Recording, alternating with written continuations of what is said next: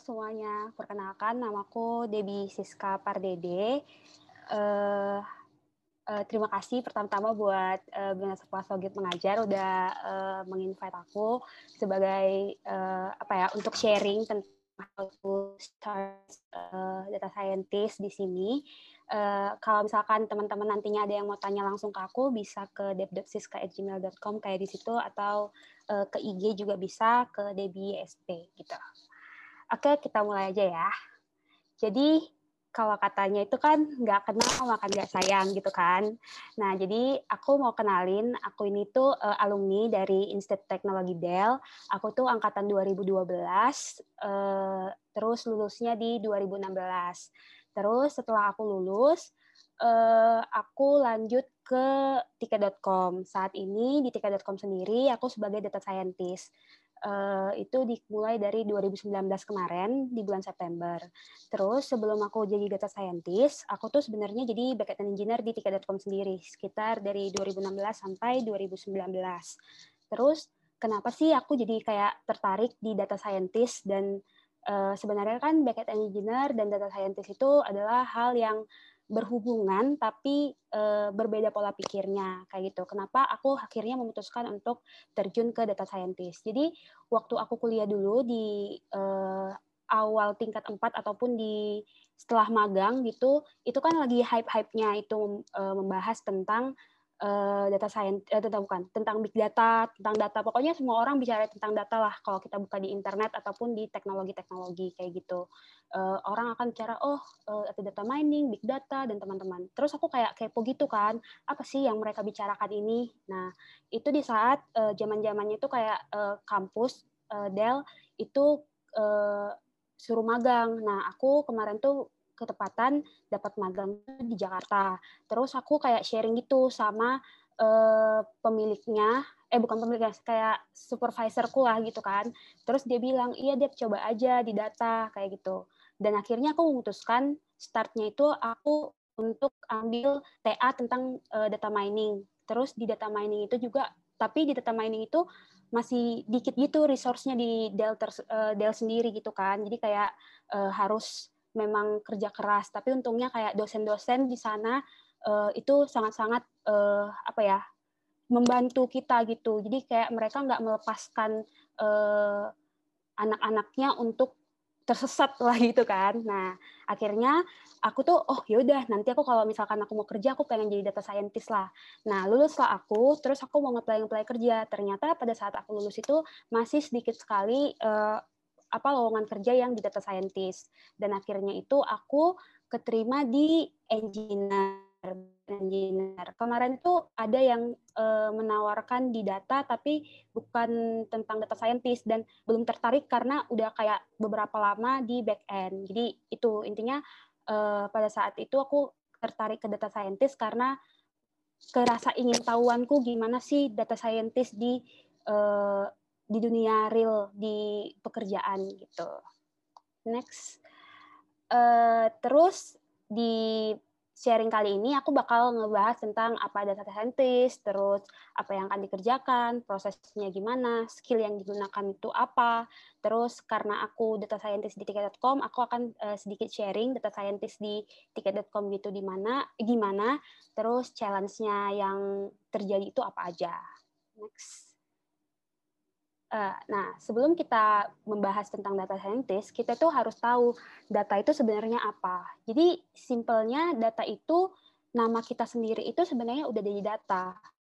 Eh, data itu tuh kayak kumpulan fakta yang memberikan gambaran atau informasi yang uh, luas terkait suatu keadaan, cara eh, susahnya bilangnya kayak gitu ya. Jadi intinya data itu adalah informasi yang kita punya kayak gitu. Jadi kalau kalian hanya untuk nama, nama kita aja itu termasuk data. Terus eh, umur kita termasuk data. Makanya di data pribadi kayak gitu. Next. The next Nah, terus apa sih data science itu? Jadi kalau misalkan kita lihat di chat uh, diagram di sebelah itu, data scientist itu sebenarnya uh, gabungan antara matematika, terus ada computer science-nya, dan ada business knowledge-nya. Nah, uh, dan dia mengekstrak data itu menjadi structure dan unstructured data. Apa sih structure dan unstructured data? Singkatnya itu kalau structure data itu data yang udah terstruktur. Contohnya data-data yang udah di SQL atau di database yang udah kayak table, terus ada kolomnya, ada row, di Excel juga data-data yang udah kebentuk itu namanya structure data. Terus kalau unstructured gimana unstructured data contohnya itu kayak uh, foto. Jadi kalau foto itu kan dia ada pixel, berapa pixelnya kayak gitu. Jadi tapi kita nggak ngelihat ngelihat secara langsung gitu. Jadi dia itu bagian pixel-pixelnya itu. Nah, uh, di data scientist ini juga uh, mengcover banyak metode dan proses algoritma dalam satu sistem dan sangat erat kaitannya dengan data mining, machine learning, big data. Itu di data scientist. Nah, di mana sih digunakan matematik, matematik, terus computer science dan business knowledge. Jadi eh, kalau aku bilang yang paling relate, yang paling eh, untuk pemodelan itu sangat erat kaitannya dengan matematika dan statistika. Jadi untuk pemodelan sendiri itu kebanyakan mengambil dasarnya dari uh, ini rumus-rumus uh, matematika. Jadi uh, selama aku menjadi data scientist tuh hal yang paling sulit kulakukan adalah ketika aku harus mengubah mindsetku dari computer science ke memasukkan matematika dan uh, statistika di dalam uh, pikiranku untuk mendapatkan model gitu. Jadi kayak agak struggling di situ memang. Uh, next. Nah, apa sih yang bisa dilakukan oleh seorang data scientist? Nah, banyak sih case-case yang bisa dilakukan. Contohnya fraud detection, uh, fraud detection system.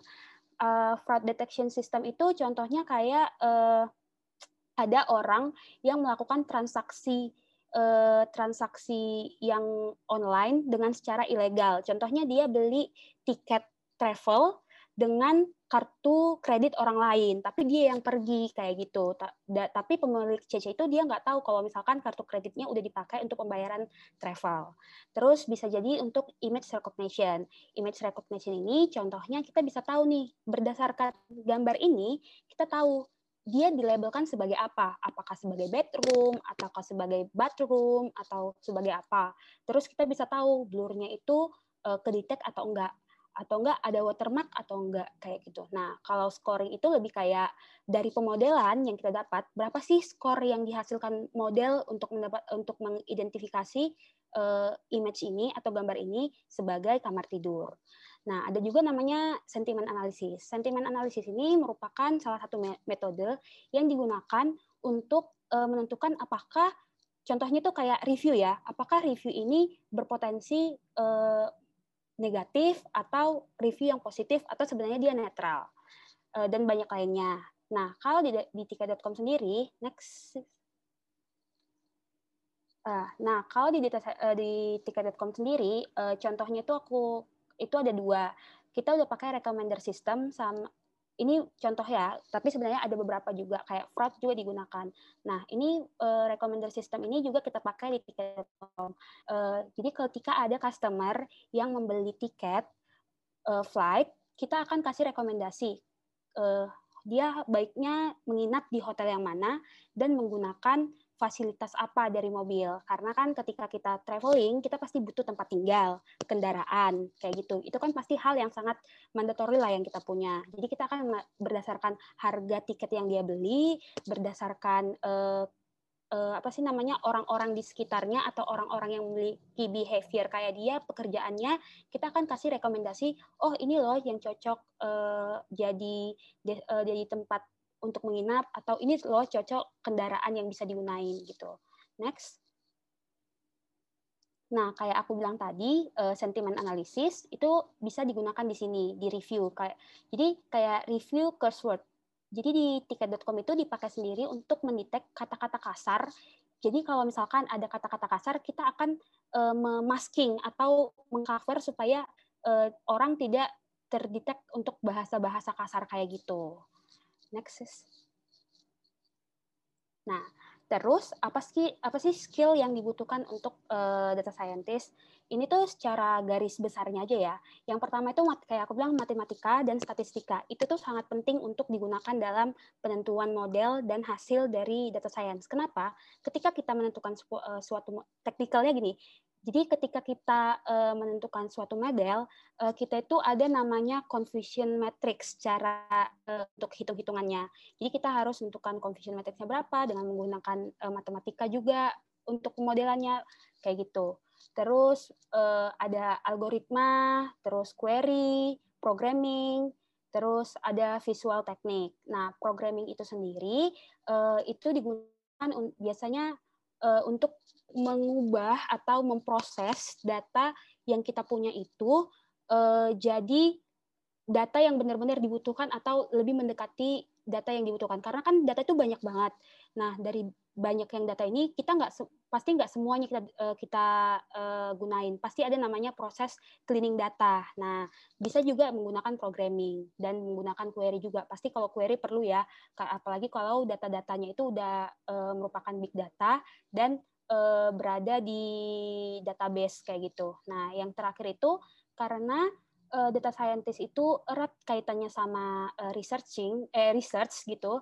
Jadi uh, sangat dibutuhkan uh, visualization teknik. Biasanya kalau uh, di tiket sendiri yang digunakan itu tabel tableau namanya tabel AU. Jadi di ini tabel AU ini dia bisa mengconvert BigQuery dan dia bisa kayak diagram-diagram gitu dibentuk. Uh, jadi orang bisnis bisa tahu nih apa sih yang lagi terjadi di data itu. Jadi setelah engineer memasukin data, eh, orang bisnis yang atau orang orang awam yang nggak tahu tentang data itu dia bisa oh ngerti data yang kita butuhkan itu kayak gini dan mereka bisa mengambil keputusan dari data yang kita punya kayak gitu. Next. Nah, gimana sih kalau misalkan seorang data scientist itu bisa uh, nge-solve problem yang mereka hadapi. Pertama adalah definisikan dulu problemnya itu apa. Contohnya kayak image uh, detection. Nah, pertama itu image detectionnya itu mau diapain, mau dibikin jadi apa? Karena kan image itu kan besar. Maksudnya uh, kita bisa jadi A atau jadi B. Misalkan kita uh, si orang bisnis bilang, aku pengen, aku punya banyak image dan aku pengen ada mesin yang mengerti bahwa image ini termasuk bedroom atau image ini termasuk uh, lobby kayak gitu. Nah, kita udah tahu nih, oh berarti masalahnya ini. Nah, berarti kita di kita masuk nih. Kalau kita mau menganalisis data, berarti kita butuh memprepare uh, prepare data yang kita punya itu apa aja. Terus data yang udah kita punya datanya, terus bagian-bagian apa aja yang kita butuhkan. Nah, itulah masuk ke data acquisition and preparation. Ketika kita udah tahu data apa yang kita butuhkan dan data apa yang digunakan, kita langsung eh, kita masuk ke analisisnya. Gimana masuk analisisnya ini? Maksudnya atau analisisnya ini sebenarnya eh, bisnis atau stakeholder itu pengennya apa aja sih yang paling mendekati atau enggak kita juga bisa menganalisis berdasarkan data yang kita punya uh, model apa sih yang paling sangat cocok untuk uh, menyesuaikan data yang kita punya dengan yang diinginkan. Nah, setelah kita melakukan analisis, kita masuk uh, proses kita oh udah final nih, misalkan pada saat itu udah final nih, kita masuk ke modeling. Nah, model ini banyak ada untuk blur detection, banyak model-modelnya gitu kan. Contohnya apa ya? Bisa dipakai uh, TensorFlow, TensorFlow itu juga uh, satu salah satu yang uh, menyediakan modeling. Terus proses proses modeling itu adalah proses di mana kita mencap uh, me, namanya model berarti kayak blueprint. Jadi kita gimana supaya kita bisa menghasilkan dari problem itu menjadi sebuah image yang bisa dideteksi sebagai hal apa gitu. Nah, setelah kita udah mendapatkan hasilnya, kita tanya lagi nih ke stakeholder, udah sesuai nggak sih sama yang kalian butuhkan? Kalau misalkan belum sesuai, kita akan analisis lagi dan bikin pemodelan sampai akhirnya si stakeholder itu menerima ataupun oh ini udah cukup baik kok untuk kita terima kayak gitu. Nah, setelah udah deal-dealan sama stakeholder, kita akan melakukan deployment kayak gitu. Nextnya, uh, apa sih challenge dari data scientist sendiri. Jadi challenge dari data scientist itu sendiri banyak ya. Pertama itu uh, huge amount of data. Kenapa sih uh, data yang besar itu menjadi challenge sendiri dari tiket.com eh dari data scientist padahal uh, data scientist pasti kan butuh data. Terus kalau makin besar datanya makin bagus dong. Iya benar, kalau makin besar data itu memang masih makin bagus. Tapi apakah makin besar data eh, data tersebut digunakan semuanya atau enggak kayak gitu. Terus various resource of data. Terus kalau ini lebih kayak banyak sumber data, jadi membingungkan resource yang sebenarnya yang penting itu apa. Terus involving several user. Ini lebih kayak kita tuh terlalu banyak menginput orang-orang di dalam model uh, di dalam proses itu sendiri. Nah, kesalahan kebanyakan orang itu adalah kita tuh jadi banyak otak. Jadi kayak banyak otak tapi nggak satu tujuan karena model itu kan banyak si A bilang model A, si B bisa model B. Nah, tapi ini tuh bisa di solve dengan cara uh, itu tadi kayak confusion matrix, mana sih akurasi yang paling mendekati. Nah, terus ada high complexity process. Nah, ini tuh lebih ke sekompleks apa proses yang dijalani untuk menghasilkan model yang baik. Jadi kayak perhitungan confidence matrix, terus metode eh, metodenya udah benar apa enggak, prosesnya uh, cukup besar. Maksudnya gini, uh, jadi kayak terkadang untuk menghasilkan suatu model yang bagus itu dilakukan proses data yang cukup besar dan menggunakan server yang besar. Nah, semakin besar server, semakin banyak uh, pengeluaran yang dibutuhkan. Apakah seimbang nggak sih hasil yang kita keluarkan dengan uh, usaha yang kita keluarkan kayak gitu. Yang terakhir itu streaming proses. Jadi contoh dari streaming proses ini sendiri uh, secara simpelnya adalah scraping data. Kita ngambil data dari luar karena uh, salah satu yang dibutuhkan seorang data scientist itu pasti uh, data yang cukup untuk pemodelannya. Uh, jadi terkadang kita sendiri itu susah untuk mencari data yang di streaming atau uh, kayak sumber data yang sesuai dengan yang kita butuhkan. Oke, okay. next. Nah, terus apa sih lanjutan dari uh, data scientist ini sendiri? Nah, data scientist kan tadi udah menghasilkan pemodelan kayak yang problem solving. Terus setelah dia dapat model, dia akan uh, ke stakeholder udah cocok atau belum. Kalau si stakeholdernya udah cocok, akan dilakukan deployment. Nah, deployment ini yang dilakukan oleh machine learning. Machine learning ini dikerjakan oleh machine learning engineer namanya. Nah, machine learning ini sendiri kayak eh, apa ya dibilang kayak mesin namanya mesin kan berarti dia yang menghubungkan antara hasil yang udah di, di ditemukan oleh data scientist menjadi sesuatu yang bisa dilihat oleh user melalui si machine learning tersebut. Itu secara uh, ininya ya, secara sederhananya. Terus biasanya teknologi yang kita gunakan itu ada Falcon. Falcon ini kayak uh, data eh apa? framework dari Python. Terus ada MongoDB, ada BigQuery, ada Kubeflow, ada GCP. GCP itu Google Cloud Platform. Kalau di tiket sendiri kita banyak sih menggunakan GCP. Terus ada Docker pasti, terus ada Spark sama ada PyTorch terus dan lain-lain. Sebenarnya masih banyak lagi. Tapi ini kayak gambaran besar yang paling sering digunakan tuh yang ini. Oke, okay, itu saja. Uh, nextnya ya, kalau ada pertanyaan boleh. Oke, makasih Kak Debi. Ber, uh, berharga banget ya ilmu yang barusan di-share sama Kak Debi. Ternyata di kehidupan kita sehari-hari, implementasi dari data itu banyak sekali ya teman-teman dan beragam. Dan ini penting banget buat kita untuk teman-teman nanti yang uh, memulai karir mungkin jadi data scientist atau mungkin uh, untuk menambah ilmu kita tentang apa sih data scientist itu. Nah, yang mau bertanya-tanya nih sama Kak Debi, kira-kira seputar data scientist apa aja boleh ya di slido.com kita di platform slido.com. Uh, teman-teman boleh akses slido.com. Masukkan kode Bona Pasogit Mengajar. Sekarang kita masuk sesi Q&A untuk Kak Debi. Ya, Kak Debi ya? Ya, oke. Okay. Aku jawab nih ya, yang dua ya di atas. Ya, di Apakah Tika.com untuk sentimen analisis mengambil scraping dari media-media sosial media untuk Facebook, Twitter terkait uh, kalau untuk itu iya, kita juga gunakan dari Twitter. Kebanyakan sih dari Twitter sih kemarin itu untuk contoh si review yang keyword itu karena kemarin itu aku juga ikut dalam uh, proses ini. Jadi kita ngambil dari Twitter. Ternyata hasilnya dari Twitter itu untuk review di tiket karena kan review di tiket.com ternyata review untuk menentukan keyword uh, atau kata-kata kasar di tiket.com itu sangat kurang.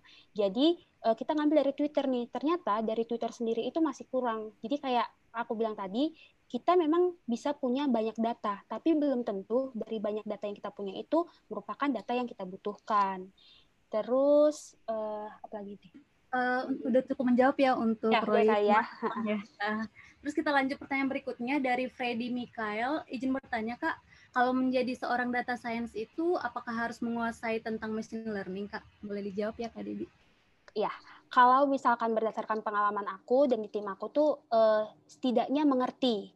Jadi bukan harus menguasai 100%, tapi setidaknya mengerti kayak uh, machine learning itu apa aja kayak gitu apa aja sih kerjaan mereka dan mereka itu lebih mengarah ke apa terus uh, tools-toolsnya apa setidaknya uh, mengerti aja sih atau mengetahui nggak perlu menguasai sih kalau menguasai itu malah lebih bagus ya mungkin justru bisa nanti karirnya lebih bagus lagi ya kak di data scientist. Iya, karena uh, benar-benar karena kayak aku sendiri di datascientist3.com enggak full di research karena aku punya background uh, backend engineer, aku juga jadi ML engineer sih sebenarnya. Siap, siap, keren, keren, keren.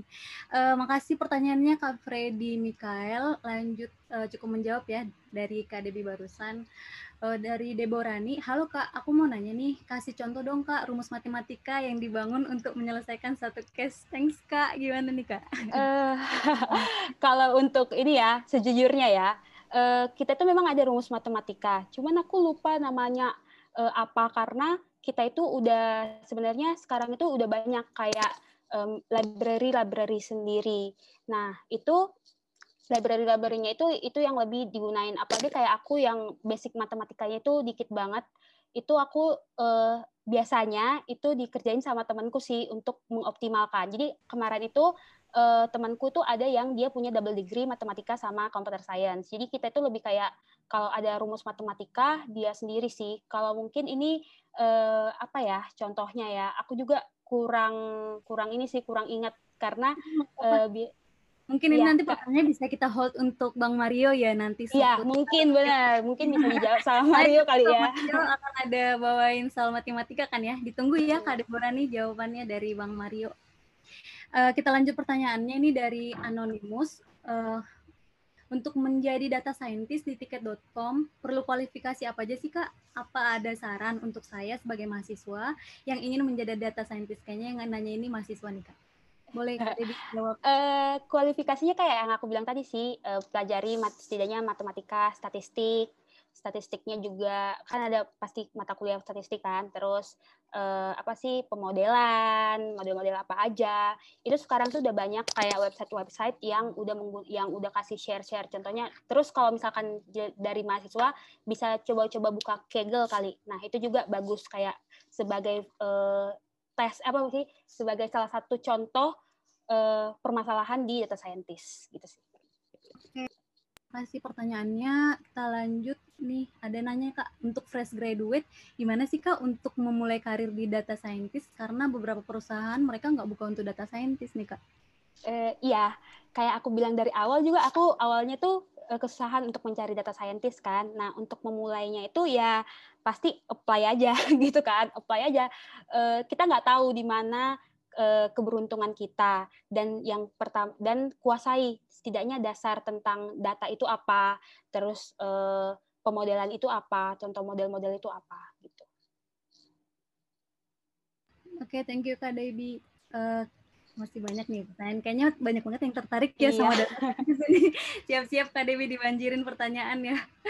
Terus ini dari um, Anonymous lagi mau nanya nih Kak, selama masa pandemi gimana sih pengaruhnya ke tiket.com? Wah cukup general nih ya pertanyaan. Karena banyak orang pergian lagi Kak. Aduh. Ini DOD-nya tiket.com kali ya. Iya kali ya, cuman mm, tapi boleh aku Debbie menjawab singkat aja kali ya. Uh, sejauh ini uh, kita itu WFH, terus kayak aku Siska kan di tiket.com dan sejauh ini kita itu masih stabil lah untuk dibilang kalau misalkan dari BOD-nya langsung. Ya paling cuma sampai situ sih kalau misalkan untuk tiket.com ya. Ya, mau nambahin sedikit. Jadi info yang kita dapat sejauh ini sih uh, tiket.com itu belum ada layoff sama eh uh, hmm. ini ya FYI aja iya, kita nggak ada layoff sama sekali. Iya, belum ada layoff untuk tiket.com dan so far aman didoakan aja untuk tiket.com. Makasih buat pertanyaannya dari Anonymous. Terus platform, ah masih ada nih Kak. Kamu nanya, apa platform yang Kakak pakai untuk belajar data science Kak sekarang? Uh, apa ya? Pertama itu waktu aku pertama kali belajar data scientist itu aku buka namanya analyticsvidia.com. Uh, mungkin nanti bisa di-share di mana kali ya? ya? Ya bisa bisa uh, nanti, nanti kita share aja ya kira-kira iya. platformnya ya. apa aja. Uh, aku kan online sih analyticsvideo.com uh, sama Kaggle sama Towards Data Scientist. Itu tiga sih udah cukup membantu banyak karena orang banyak juga berkecimpung di situ. Siap, ada di. Uh, tadi ini kayaknya udah udah ini juga ya skillnya kira-kira apa yang dibutuhkan data scientist dan di dunia pekerjaan nih kayaknya spesifik di dunia pekerjaan kayaknya nih kayak ya. tim uh, spesifik per orang untuk DevOps atau harus belajar semua nih? Udah bawa ke DevOps lagi nih Bang Roy Simatupang, nggak apa-apa. Boleh dijawab. Kayaknya tadi udah cukup, uh, Kak Debbie ada ngasih tahu skillnya juga, tapi dirangkum aja nih Kak. Iya, jadi kayak untuk uh, spesifik per orang atau tim DevOps ya, uh, perlu mengetahui, apalagi lebih spesifiknya sih kayak di machine learning, harus tidaknya tahu uh, proses-proses yang dibutuhkan itu apa aja. Contohnya kayak GCP, Google Cloud Platform, terus uh, Docker, terus uh, apa sih lagi namanya Spark. Contohnya tuh kayak gitu sih, lebih kayak tools-tools yang digunakan paling sekedar mengetahui gitu. Oke, okay. cukup menjawab kira-kira ya Bang Roy Simatupang. Uh, dari anonimus lagi, Kak Debi mau nanya dong, contohnya kita punya satu juta data nih, terus mau diklasifikasikan datanya itu gimana Kak? Stepnya apa sih Kak? Uh, pertama, uh, kayak aku bilang tadi, yang problem solving pertama tentuin dulu datanya mau diapain. Misalkan untuk klasifikasi eh, klasifikasi data baik atau buruk. Nah dari satu juta data itu berarti kita harus cleaning datanya. Apakah datanya itu semuanya bersih atau enggak? Gimana sih cara menentukan data yang bersih atau enggak? Data yang bersih atau enggak itu apakah datanya itu eh, kosong? Apakah datanya itu kan ada kayak nul nul data gitu kan? Nah apakah itu ada atau enggak kan kalau null data itu kan nggak kita nggak kita butuhkan kita harus clean atau hanya berisi karakter-karakter itu juga kita butuhin. Jadi kalau hal-hal yang kayak gitu kita pertama harus bersihkan dulu datanya. Setelah kita bersihkan datanya kita analisis datanya terus kita bisa lakukan modeling. Modeling ini kita tentukan apa sih yang biasanya uh, paling cocok untuk uh, klasifikasi bisa kayak sentimen contohnya sentimen analisis tadi. Itu merupakan contoh, contoh salah satu untuk mengklasifikasi data kayak gitu. Untuk string ya biasanya itu Iya, iya, siap, siap. Makasih jawabannya Kak Debi. Um, ada pertanyaan dari Deborani. Dua pertanyaan terakhir. Mau nanya lagi nih Kak, kalau soal mau kerja di startup lah, termasuk di tiket.com ini, apa aja tahapnya Kak yang dilalui atau bisa dibilang Tesla Kak? Misal uh, kira-kira apa aja? Apa langsung coding aja? Apa gimana nih Kak? Uh, pertama, yang kalau aku tahu untuk uh, misalkan dia itu uh, apa sih namanya junior kalau junior itu biasanya uh, pernah bergabung di project apa aja. Terus ada coding ada sama problem solving. Biasanya sih itu sama nanti terakhir wawancara. Gitu deh.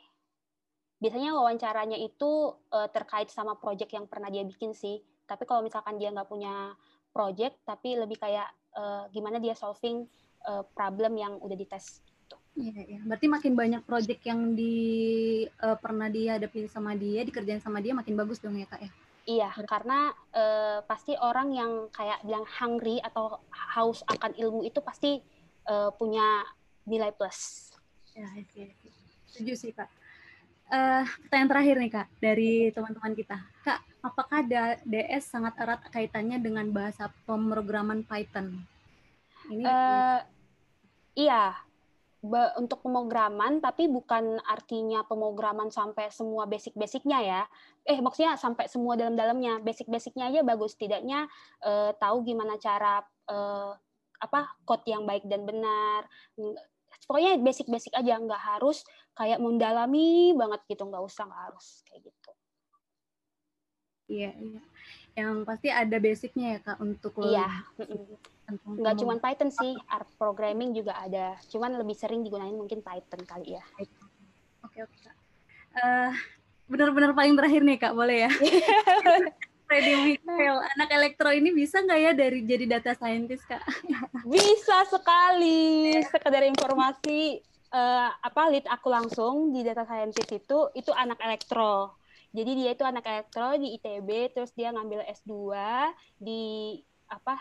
Aku lupa sih dia mungkin kalau nggak salah di UK, dia ngambil S2, dia ngambil data scientist, ya terus dia ini jadi lead sekarang kayak gitu. Terus hanya S2 enggak juga sih S1 juga bisa karena kan sebenarnya data scientist itu kalau misalkan eh, eh kayak elektro itu kan pasti dapat ada programmingnya dikit terus kalau misalkan kalian mau memperdalam uh, programming dan uh, matematika atau pemodelannya dan kayak aku bilang tadi haus akan ilmu pasti bisa Iya, ya. Jadi siapa pun boleh ya kak. Jadi bisa siapa pun.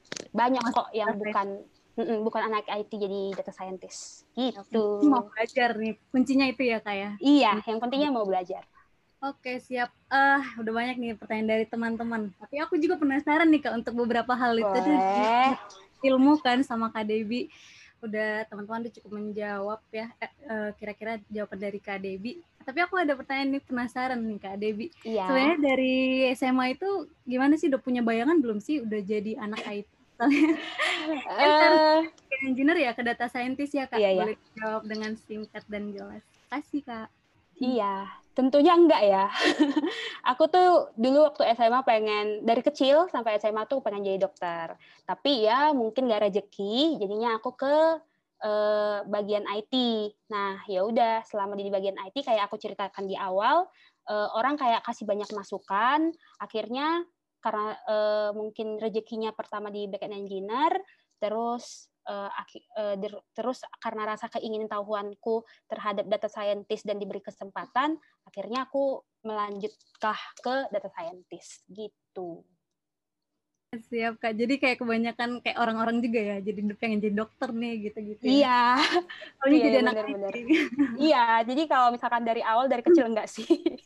siap siap iya. terus pertanyaan berikutnya nih kak kan kak uh, kak Debi kayaknya anak pertama nih Phil anak pertama. Jadi kayak orang tua itu kan mungkin ada cita-citanya nih buat kak Debi kira-kira gimana sih pendapat kak Debi soal orang tua menaruh cita-cita sama anaknya? Boleh dijawab dengan singkat dan jelas ya, ya. Uh, pendapatku sih fine fine aja sih untuk orang tua ngasih pasti orang tua punya harapan untuk anak-anaknya. Tapi balik lagi gimana kita menyikapi uh, terhadap keinginan orang tua? Kalau misalkan keinginan kita nggak sesuai dengan orang tua kita bisa diskusi baik-baik sama orang tua kita. Siapa tahu dengan cara kita mendiskusikan baik-baik orang tua kita uh, ngasih uh, pencerahan. Karena gimana pun mereka pasti lebih berpengalaman dibandingin kita. Terus uh, aku sendiri untungnya orang tuaku sih mendukung aku uh, mau positif uh, ke, ke jalan yang lebih positif sih. Jadi menurutku kita nggak apa-apa sih menyenangkan orang tua kayak gitu dan dan apa ya membiarkan mereka memberikan pandangan terhadap kita gitu. Iya siap-siap. Jadi maksudnya orang tua ngasih aku pengen kamu jadi ini nak cuman tetap aja kita yang memilih ya kak. Maksudnya kita iya. Uh -uh.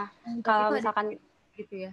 Iya, kalau nggak sesuai, ya kita bisa diskusi baik-baik. Pasti orang tua punya pandangan yang lebih baik sih. Oke, siap pertanyaan terakhir dari aku ya kak. Menurut kak Debi, uh, kan kak Debi ini kuliahnya di Dell ya. Maksudnya iya, ya di Jakarta misalnya kayak Mario nih di USA gitu kan. Tetap di di di kampung halaman nih kak di Dell. Kalau menurut kak Debi sendiri, seberapa besar sih pengaruh tempat kita berkuliah terhadap kesuksesan seseorang gitu? Kalau untuk kesuksesan sih menurutku itu nggak ada pengaruh kuliah di mana atau tinggal di mana. Itu kesuksesan itu, itu sendiri itu berdasarkan keinginan kita dan jiwa keras kita sih. Gimana kita mau sukses gitu sih. Kalau misalkan tempat kita orang-orang di pedalaman sana itu bisa sukses atau orang orang paling gak mampu sekalipun pasti bisa sukses asalkan kerja keras. Menurut aku sih gitu. Apalagi sekarang udah bisa online ya kak, bisa diakses apa pun. Benar di di mana pun gitu ya. Iya. Jadi kalau kalau di pedalaman nggak usah minder atau apa. Kita selama kita punya mindset yang baik dan benar, pasti kita bisa shining. Siap, siap. Mempertanggungjawabkan diri sendiri tuh jadi PR juga sih ya. Dan Oke, okay, makasih banyak Kak Devi buat uh, presentasinya. Uh, senang banget bisa dengerin banyak hal tentang data scientist dan juga uh, pertanyaan-pertanyaan seputar data scientist dari Dewi udah coba jawab. Makasih Kak Dewi sekali lagi. Iya, sama-sama. Buat teman-teman yang udah memberikan pertanyaan untuk Kak Dewi. Jangan lupa follow Instagram akun kita di Bonapa Sogit Mengajar dan jangan lupa juga buat subscribe dan nonton YouTube kita di Bonapa Sogit Mengajar karena kita bakal sharing informasi-informasi menarik di sana. So, sekian dari kami. Terima kasih.